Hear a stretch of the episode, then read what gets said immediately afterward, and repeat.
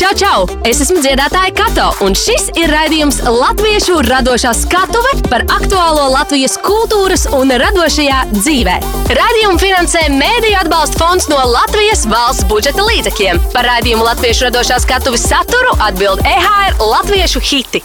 Sveiciens visiem rādījumā Latviešu radošā skatuve. Laiks ir paskrējis nemanot, un jāsaka, ka šis ir pēdējais šīs sezonas raidījums. Un šajos raidījumos pie mums ir viesojušies ārkārtīgi daudz ļoti radošu un talantīgu viesu, un nemainīgi tā tas būs arī šajā dienā.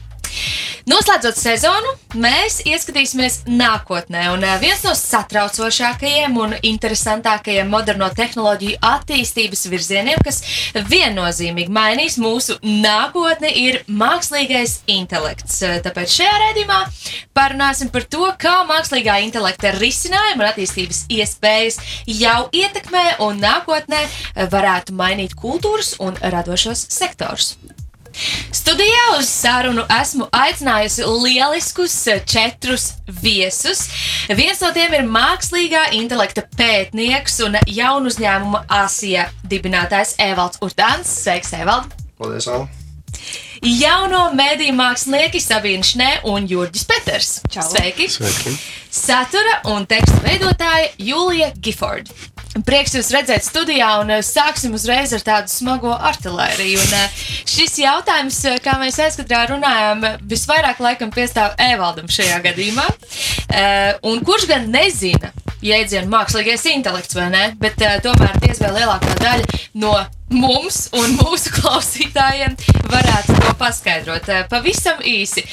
Ko tad nozīmē un kā funkcionē mākslīgais intelekts?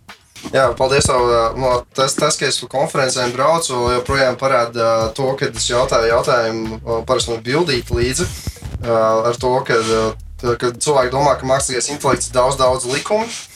Un, kas, tas, tas tā bija sen atpakaļ, pirms 30 gadiem, bet tas, kāds mākslīgais intelekts ir mūsdienās, kas ir balstīts uz dzīvo mašīnu mācīšanos, uz tiem mākslīgiem neironu tīkliem pēdiņās, uh, ir tas, ka uh, tur nav neviens likums vispār, neviens uh, likums nav ieprogrammēts.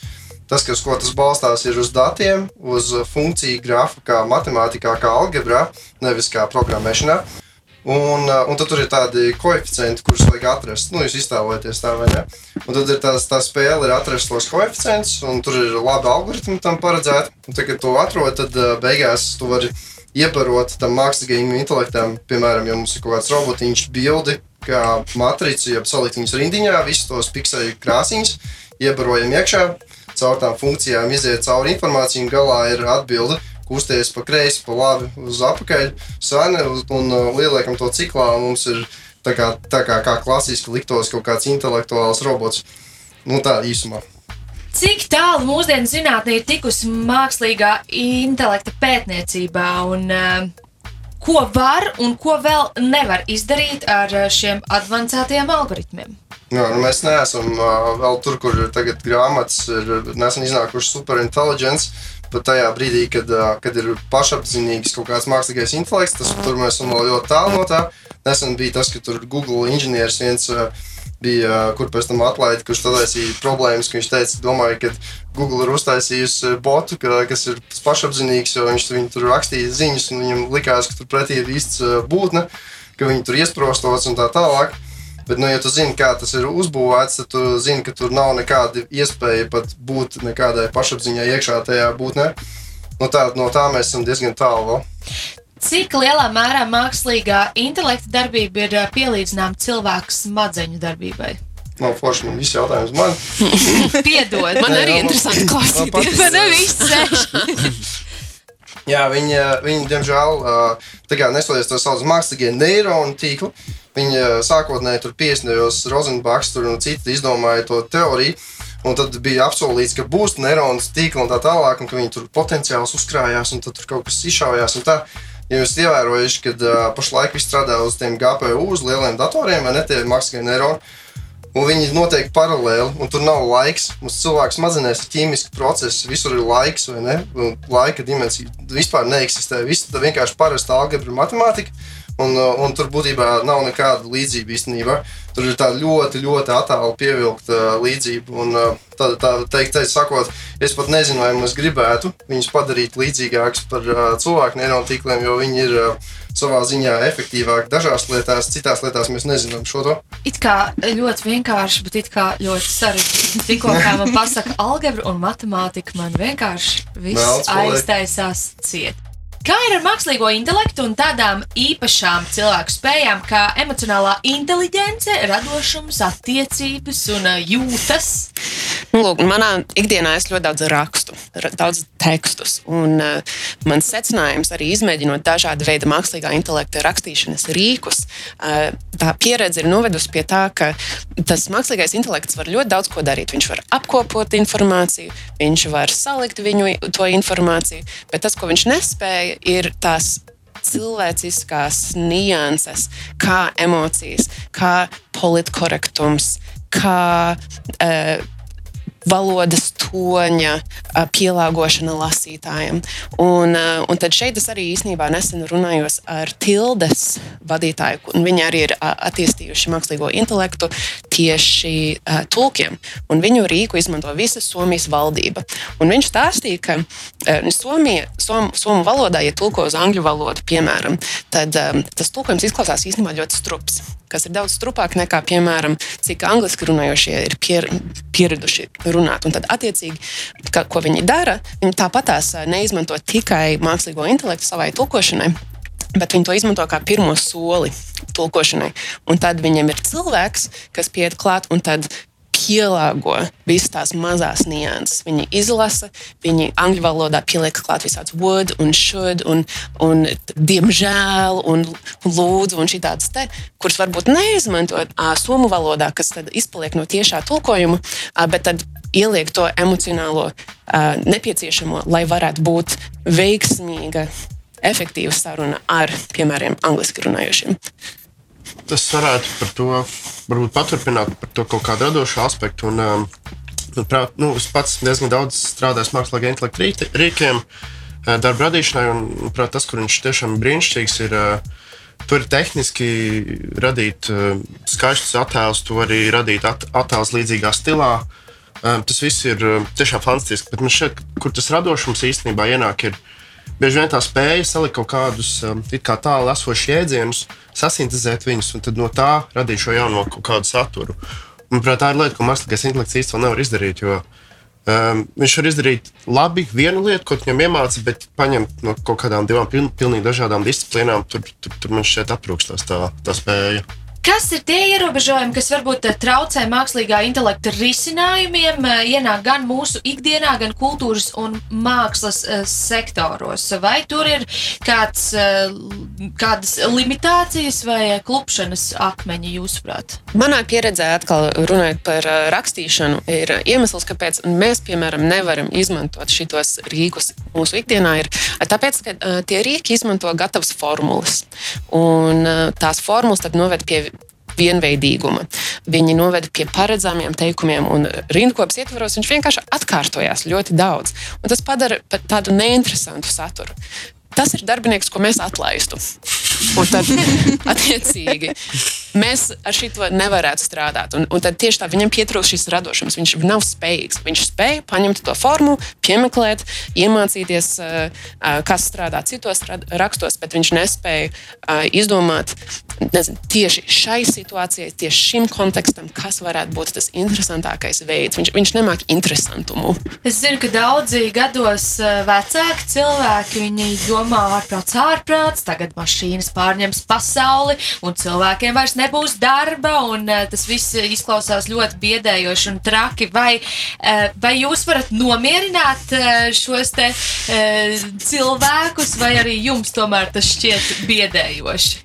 Nu, tā ir kā līdzīgi kā ceļš, ka jūs mākslinieki šeit, jūs zināt, kad kaut kur ā, pirms simts gadiem bija cilvēki, kur ā, bija portreti taisītāji vai ne, kas zīmēja tur ā, katram cilvēkam portretu. Tagad mums ir uh, visi rīki pieejami, ka mēs paši varam uh, savu taisīt portretus, fotografēt. Tajā pašā laikā vēl joprojām ir profesionāli fotografi, kas daudz pelna naudu. Es domāju, ka visos laikos vienmēr ir kaut kāds procents maziņš mākslinieku, kuri var nopelnīt ar to savu iztiku. Nav tā, ka visi mākslinieki spēj nopelnīt iztiku, un tas būs, man liekas, arī nākotnē. Un uh, runājot par tām profesijām, iedomājieties, mums ir tie smagās mašīnas braucēji, mēs viņus tagad tur visus automatizēsim. Uh, bet tajā pašā laikā nebūs tā, ka viss būs pilnīgi automatizēts. Būs tāpat, uh, visticamāk, vēl pārskatāmā periodā. Tur kaut kāda grupa cilvēku, kas sēž un pārņem tās situācijas, kur ir problēmas. Nu, pat Igaunijā, tur braukā tie mazie uh, stāstījumi, robotiņi, kas, kas vērt produktus. Tur arī ir uh, viņi pārsvarā autonomi brauc, un tad ir problēma, tur pieslēdzās un atrisina. Un tad mums ir reāli no 100 darbiniekiem palika 5 darbinieki, viņi visi tur uh, sēž. Un tie pārējie 95, ja viņi grib turpināt strādāt tikai mazapalgot darbu, tad būtībā ir tā lieta, ka ir tiem visiem modeļiem ļoti vajag datus un tīrus datus.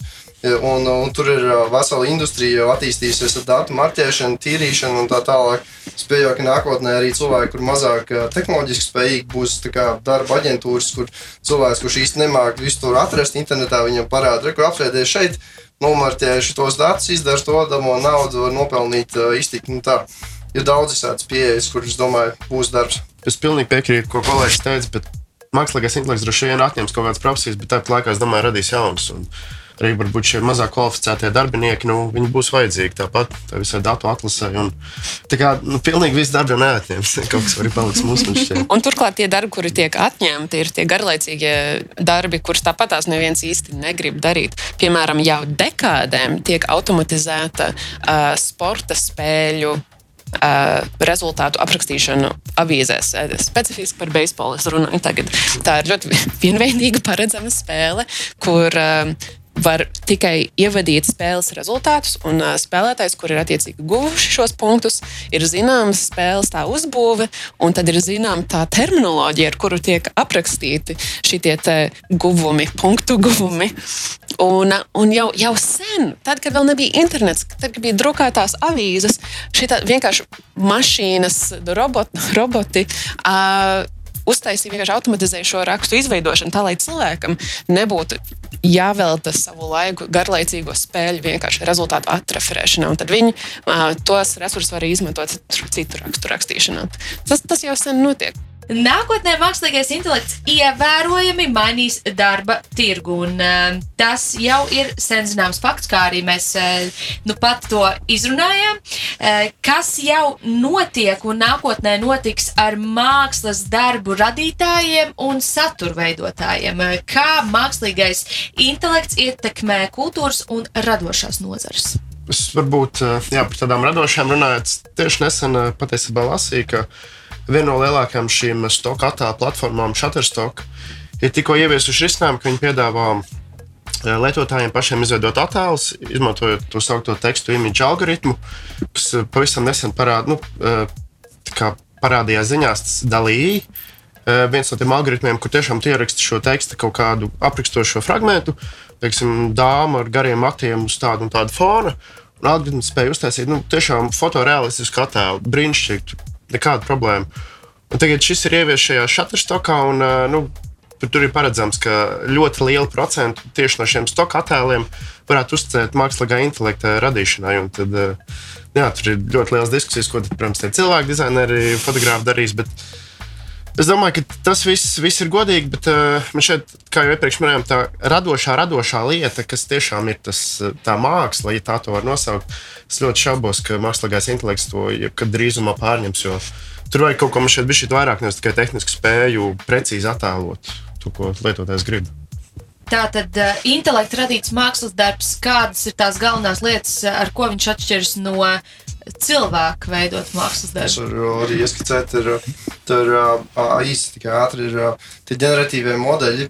Viņi tiešām spēj radīt jaunas lietas, unikālas kombinācijas. Jo, tu, piemēram, arī, ja tu atrod jūras krastā, tur, piemēram, dzintaru vai kaut kādu koku vai akmeni, viņus, piemēram, pārdod kā mākslas darbu, ne jau tu, viņi izveidoja rotu, viņš tur bija Un tev, piemēram, tajos modeļos ir tā, ka tev, piemēram, tur sadalīts ir tur Rembrandts, Van Gogs, Da Vinci, Purvīts, viss tur tā kā dati, nu, visi tie attēli, vai ne?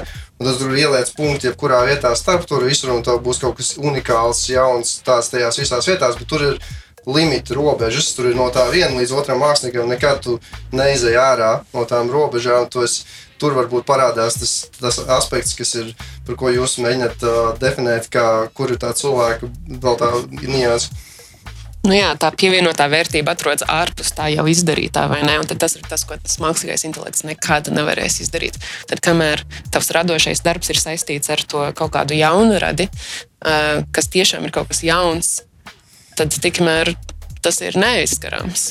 Jā, tirgot glezniņas vecrīgā, man šķiet, ka tādas darbus mākslīgais intelekts var mierīgi radīt, bet tiklīdz ir kaut kas vairāk, tad jā, šeit grūti ir. Kā jums šķiet, vai pienāks tāds brīdis, vai mēs pieredzēsim to mirkli, kad mašīna spēs labāk radīt mākslas darbus vai dziedāt labāk nekā cilvēks?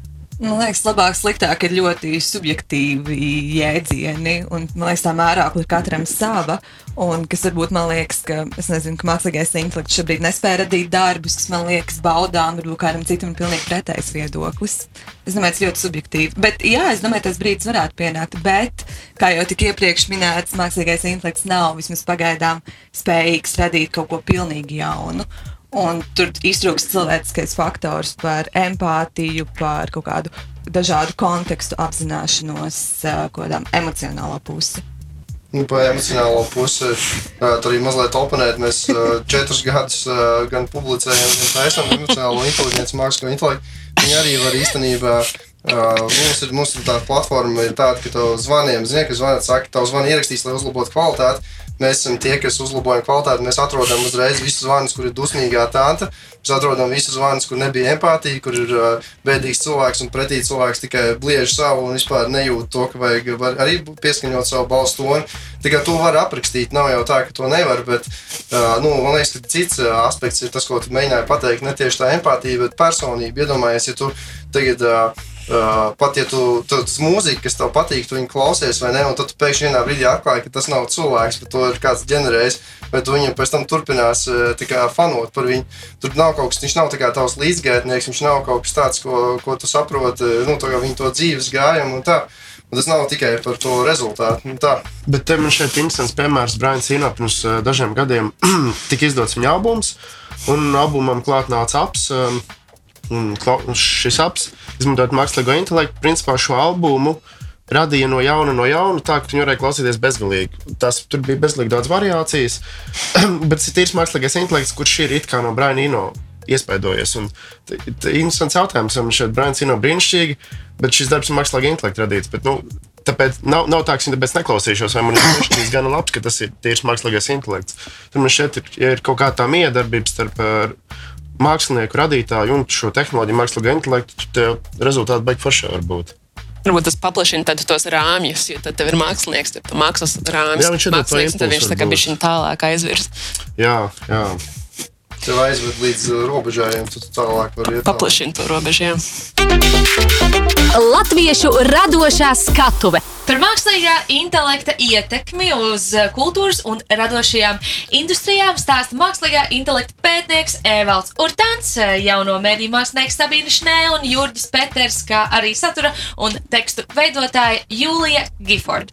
Kāda ir jūsu radošā pieredze un eh, līdzšinējā miedarbība ar mākslīgo intelektu, un kā jūs raugāties uz savu nākotni un mākslīgā intelekta ietekmi uz uh, tieši uh, jūsu radošo darbu?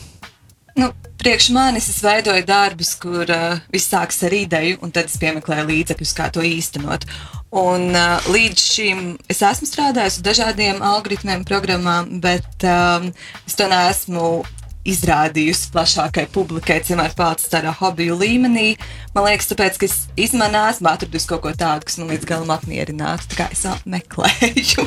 Es varētu piekrist. Es esmu daudz programmas mēģinājusi izmantot, bet katru reizi secinu, ka nu, ne, nebūs. Un tā viņi tiek atmesti.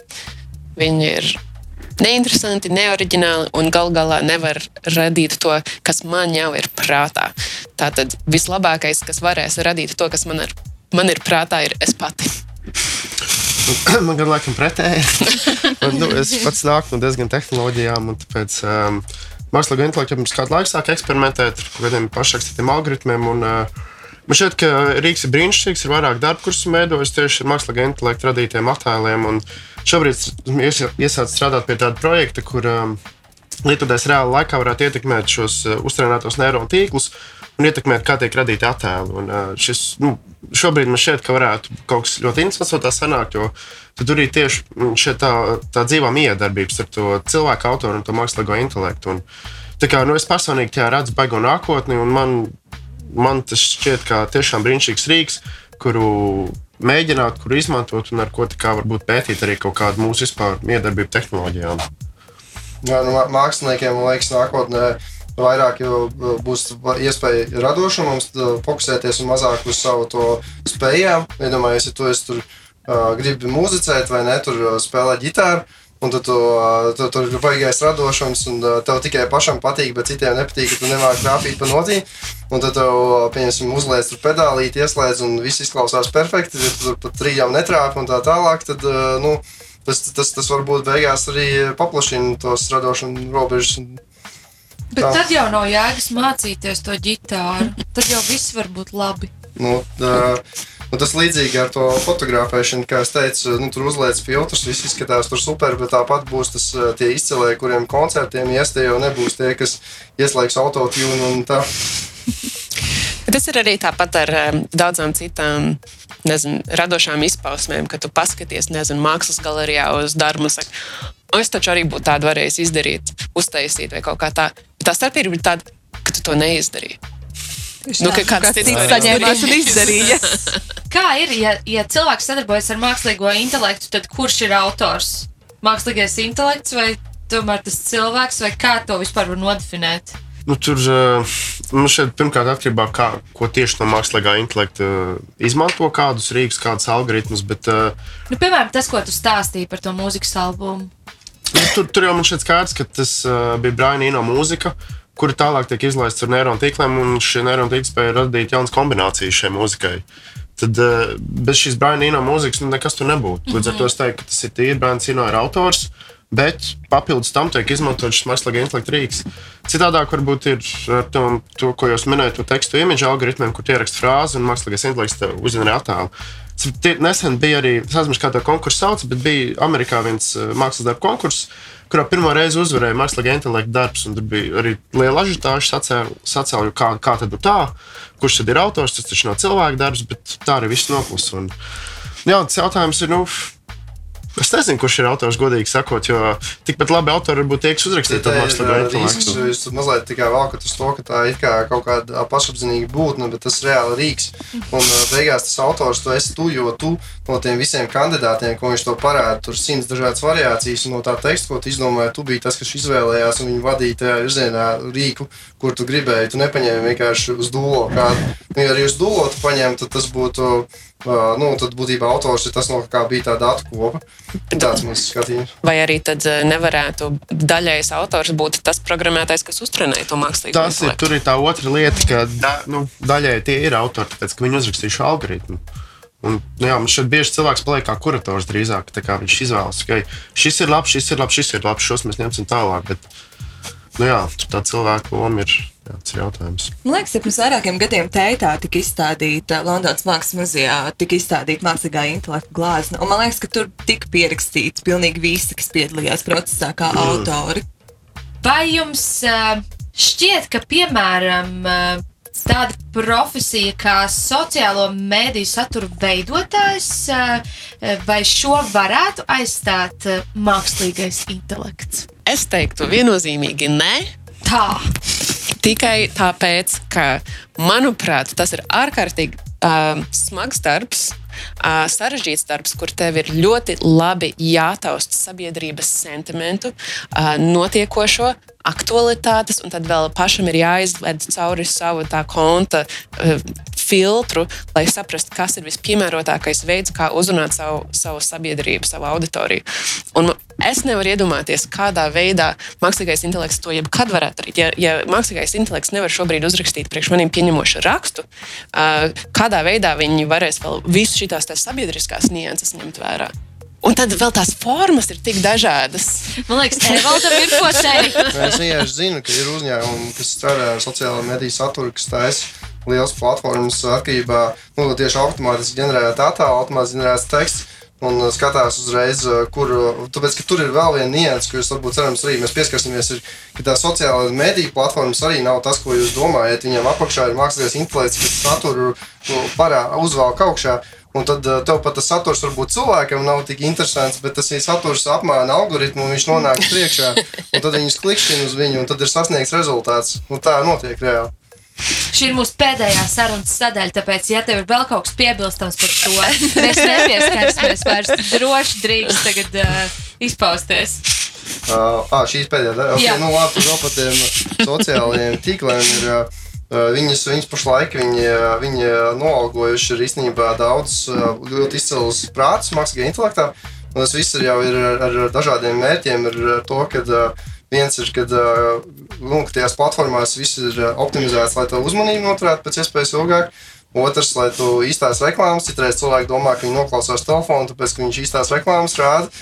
Viņi tev varbūt pazīst labāk nekā tu pats sevi. Un tad trešais, ir, kas arī mazliet biedējoši, ir tas, kas saistībā vairāk ar Jūliju, ir tas, ka nu, tas saturs. jo Viņu, viņu mākslinieks intelekts var iekodēt tā, ka viņš var saprast, ka šis teksts ir ļoti līdzīgs šim, tas ir tas, tur ir citiem veidiem un tā tālāk. Attiecīgi, moderators ir kļuvis kā par karali. Viens moderators var ietekmēt uh, reāli sabiedrības domu. Iedomājies, tev parādās kaut kāda ziņa. Moderatoram pateikt, šī ir slikta ziņa. Tur ir algoritms aizsūta uz to, lai šo, slikt, šo ziņu, kas mums nepatīk, parāda cilvēkiem, kuri raksta apakšā, tu nepareizi domā. Tas šis viss ir ļoti slikti. Un tad ziņa, kas sakrīt ar manu politisko viedokli, čing, visiem tu pareizi nu pat domā, tā vajag domāt. Iedomājies, kāds spēks tam visam apakšā ir. Un tas ir Tas viss būtu iespējams tikai mākslinieka intelekta, jo tā nevar pielikt cilvēku pie katra cilvēka, kurš skatās visu, ko viņš dara, bet uh, mākslinieks intelekts to var izdarīt. Nu, pag, tas jau tā kā notiek. Nu, mēs redzēsim, cik daudz Ilons uh, publiski parādīs, bet uh, daudz kas notiek. Jā. Un vēlreiz par tām reklāmām, kāpēc, piemēram, rādās tas jocīgās reklāmas. Nē, nu, uh, viens ir tas, ka nu, tad jau daudzreiz ir bijuši tie stāsti, ka tur pēkšņi, ka tur sievietes piemēram, uzzina, ka, ka viņas ir stāvoklī tikai pēc tam, ka viņam jau sāk piedāvāt kaut kādas lietas, jo, jo viņa uzvedība ir būtībā tāpēc, kā viņš jau to laikā sako līdz visām tām darbībām. Tas ļoti, piemēram, Amerikā ir vispār, Eiropā ir GDPR, ko arī grūti no pārbaudīt. Bet Amerikā drīkst tev ievākt pilnīgi visu informāciju, kur tu atrodies, ka, ko tu esi nospiedis, kurā vietā klišķi, kāds burts tu ā, Nu, tā kā iedomājies savā kādā aplikācijā, kur periodu tracking vai kas tur kaut ko ievadu, citur kaut ko vēl ievadu uzreiz momentāli. Viņš jau zina, ka tev vajag piedāvāt lietas, pirms tu pat vēl zini kaut ko. Aicināšu padalīties savus viesus ar kādiem uh, smieklīgiem atgadījumiem, kas saistīti ar uh, mākslīgo intelektu un uh, Evalds stāsti. Tev esot. Nu, jā, es ceru, ka uh, man matemātikas smieklīgi atgadījumi būs kādam arī vēl smieklīgi. Bet uh, nu, labi, tad man uh, uh, vien, viens tur pēdējais bija tas, kad mēs uh, savā tajā pitch patterns platformā tiem zvaniem. Mums bija tā, mums tāds pitch bats, kas pievienojās klāt zvaniem, zoomam un tā tālāk. Viņš visu ieraksta un visu tur nu, analizē visu pilnībā. Un, un uh, mums vajadzēja dizainers, gribēja uzzīmēt viņam uh, tā kā bildīt. Viņš ir arī ļoti foršs dizainers, tāds raitas upe, kāds zina. Un, un viņš, uh, viņš skatījās dalī, izmanto, lai idejas ģenerētu. Viņš tur ieraksta, six, mums vajadzēja, ka, ka tas sikspārns nav pievienojies šātam sikspārnis guļ. Ja? Un uh, tas dalī uzģenerēja sikspārņus, kas šitā te horizontāli guļ ar acīm cietas, baida un zēzē. Un, arī, un neviens nebija uz leju, jo sikspārņi neguļ šitā, viņi visi guļ uz augšu. Tā. Un, uh, tas bija nu, tāds diezgan interesants efekts, ko tu vari dabūt, kad uh, nu, tas modelis saprot, nozīmē sikspārns, viņš saprot, nozīmē gulēt, bet viņš nesaprot līdz galam, nebija tāda parauga pietiekami daudz. Tāds bija gadījums. Tad mums tajā pašā Fish Patterns platformā ir, ir nu, piemēram, iedomājies, tur aģenti zvanās, un tur, piemēram, ir uz pārdošanu. Un, un mēs atpazīstam, tur piemēram, problemātisks zvans, un tad, piemēram, atrodam zvanus automātiski, kad neskāpēc vienam pārdevējam baigi veicās, viņš visu laiku noklauzo visu. Un uh, izrādās, ka tie zvani ļoti netipiski. Viņi visi tiek flagoti. Nu, kaut kas nav kārtībā. Un tagad mākslinieks intelekts saka, ka tur kaut kas nav kārtībā. Tad mēs paklausāmies, paskatāmies, kas tajā zvanos ir. Viņš vienkārši visiem zvana un saka, ah, es jau piekrītu pirkt pagājušajā nedēļā. Oh, jā, viss ļoti labi. Lai jums izdodas, yes, closed. Un ja viņš vienkārši bija, kāds viņam bija iedevis nepareizi nu, to zvanu sarakstu, un neviens nu, tādu kļūdu pats varbūt negrib atzīt, tur un uh, var kārtīgi iekasēt un tad var tādas atrast. Tas bija tāds gadījums. Tad uh, vēl pirms tam mēs taisījām uh, tādu aplikāciju ASI, Closer to You. Un, uh, un tad bija, tur bija arī emo, tur ir vēl viņi jau strādā, viņi tur ir daudz Amerikā subscriberi. Tur tā kā dod tēmas, par ko pāriem runāt. Nu, kas tikai viens uz randiņa aizēja, nezinu īsti, ko darīt. Tad tev ir tāds, piemēram, tēma kartiņas, ir, bet tev šajā gadījumā dod tēmas, un tās tēmas ir īstenībā ļoti labas. Jo, iedomājieties, ja tev tur 100 tūkstoši cilvēki ir lietojuši viņas, viņi tur notjūnējušās jau ļoti labas tēmas, ir rītīgi foršas sarunas. Un, un, uh, bet, bet tas, ka, tas, kas tur vēl tā komponēta, mēs no sākuma ielikām, ka tur emocijas rāda. Mēs tagad to esam liekas, noņēmuši no stūra, tikai rāda, ja kaut kas pozitīvs ir. No, tur notika tā, ka pāris apsēžās un sāk izmantot aplikāciju kā ieroci. Tīpa, tur vajag apstāst, ah, rekurss, tu biji dusmīgi uz mani 40 reizes. Tad, tad tas galīgi nestrādāja tā kā vajadzēja. Tā kā, tas bija tāds praktisks piemērs, kā neizmantot to tehnoloģiju. Bet, nu, tā, tā paša tās tēmas, tas bija forši. Un tad uh, vēl kāds piemērs ir uh, vispār no tiem datiem kā tādiem. Um, nu, piemēram, ja tu kaut kādus datus iebaro, tad, tad tas arī rezultējās ļoti nu, uz, uz, uz to, to, kas tev beigās būs. Tu nevari iebarot viens datus un cerēt, ka kaut kas cits būs. Un tur ir tāds slavens piemērs, kad uh, tāds Paskala Voka datu kopu, un tur ir tāda viena sieviete, kas visu laiku fotografēja zirgus. Viņa apakšā visu laiku parakstījās, ielika savu parakstu bildē. Un tad uh, viņi apmācīja to modeli, kas tur atpazīst zirgus, suņus, vēl kaut ko. Un pēc tam to modeli vienkārši parāda uh, bildi, kur ir automašīna apakšā parakstīts, un viņš domā, ka tas ir zirgs. Vai jebko citu parāda, tur būs apakšā. Jo tas mākslinieks intelekts strādā pēc principa tā, kā iztēlojas, kad ūdens izlīst no, no kaut kur no kalna. Viņš tā kā par nu, zemāko rezistenci, vai piemēram, ka zibens spēr viņš iet tā kā pa zemāko, vājāko pretstību. Un viņš matemātiski arī tāpat strādā. Jo visvieglākais veids, kā saprast, ka tas ir zirgs, tur ir paraksts apakšā. Zirgi ir dažādi, paraksts ir vienāds. Viss tā ir tā sieviete. Un tad nu, tur parādās tas efekts, kad, uh, kad, kad tas mākslīgais intelekts uh, nav tāds bulletproof. Viņš vienmēr tur ir visādi. Viņš ziņā. netiek galā, tāpēc ir vajadzīgi cilvēki. Nu jā, tā ir.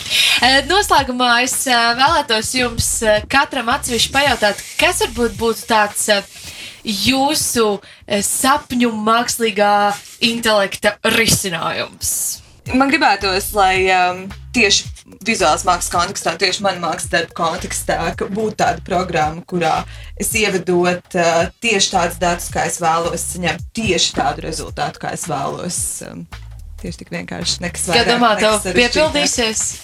Kaut kādā brīdī varbūt, ka jā. Uh, bet, uh, jā, tas, protams, ir jautājums, cik daudz es pati esmu gatava rakties cauri internetiem un meklēt dažādas opcijas un variantus. Jūlija, kā ar tevi? Jā, man līdzīgi. Man gribētos, lai viņš nolasa manas domas un tad īstenībā, varbūt, es nezinu, pēc maniem pierakstiem vai kaut kā tā, kaut kādu ideju. Bet kā īstenībā nav tālu no realitātes. Jūlija, kā tev? Nu, grūti iedomāties, kāds būtu kaut kāds sapņu. Uh, Šeit intelekts jau šobrīd jau ir, ir rīktīgi labi. Nu, ceļš, ja tu vairāk pats mēģini meklēt un dari, tu vari atrast to, ko tev vajag. Tā kā, grūti, jā, es laikam neatbildēšu konkrēti. Evald, tev kā speciālistam par to, kā par to domu lasīšanu. Nu, tā, tas ir tas, ka tas ir pretējais. Man, manuprāt, tas būtu murgs, un es to ļoti negribētu. uh, jo, jo, jo tas ir, jo es esmu runājis ar uzņēmējiem, daudziem baigi interesanti. Tas, ka cilvēks, nu, tā kā varbūt ir alkatīvs vai kaut kā, viņš tikai viņš ir gatavs. Ja es tev pasaku, es to tu tiks visiem priekšā, ja tev ieliks čipu tur vai ne, nu, jo tu reāli varēsi tur visu izdarīt daudz labāk. Viņš aiziet, liekam, Un tad, piemēram, ko tu lietas aizvieto no sākuma 10%, 20%, 30%, 40%, 50%, 60%. Tad beigās tas vienkārši staigājošs mironis. Nu, basically. Un, uh, nu, jā, es, es, es negribētu tajā virzienā iet. Es, nu, es, saprotu, ka to īsti nevar apturēt, bet, nu, bet tas ir tas virziens, ko, ko, ko es negribētu īstenībā. Tas ir tavs sapnis, lai tā jā, nenotiktu. Tā teikt, jā. Labāk, labāk lai, lai, lai paliek mākslīgais intelekts ārpus smadzenēm. Jā. Ar jums kopā biju es, raidījuma vadītāja Kato, un pie manas studijā viesojās mākslīgā intelekta pētnieks Evalds Urtāns, jauno mediju mākslinieki Sabīna Šnē un Jurģis Peters, kā arī satura un tekstu veidotāja Julija Gifford. Šis bija noslēdzošais eh, raidījuma Latvijas radošās skatuves raidījums, un eh, lai jums brīnišķīgs eh, rudens un gada noslēgums, un es ļoti, ļoti ceru ar jums tikties jau nākamajā Latvijas radošā skatuves raidījuma sezonā. Atā! Tu klausījies raidījumu Latviešu radošā skatuve ar dziedātāju Kato. Tiekamies katru ceturtdienu, septiņos vakarā Latviešu hītu radio viļņos, lai uzzinātu vairāk par aktuālo Latvijas kultūras un radošajā dzīvē. Podkāstu ierakstus meklē EHR mājaslapā, aplikācijā, YouTube un Spotify. Radījumu finansē Mēdīļu atbalsta fonds no Latvijas valsts budžeta līdzekļiem. Par raidījumu Latviešu radošā skatuves saturu atbild EHR Latviešu hiti.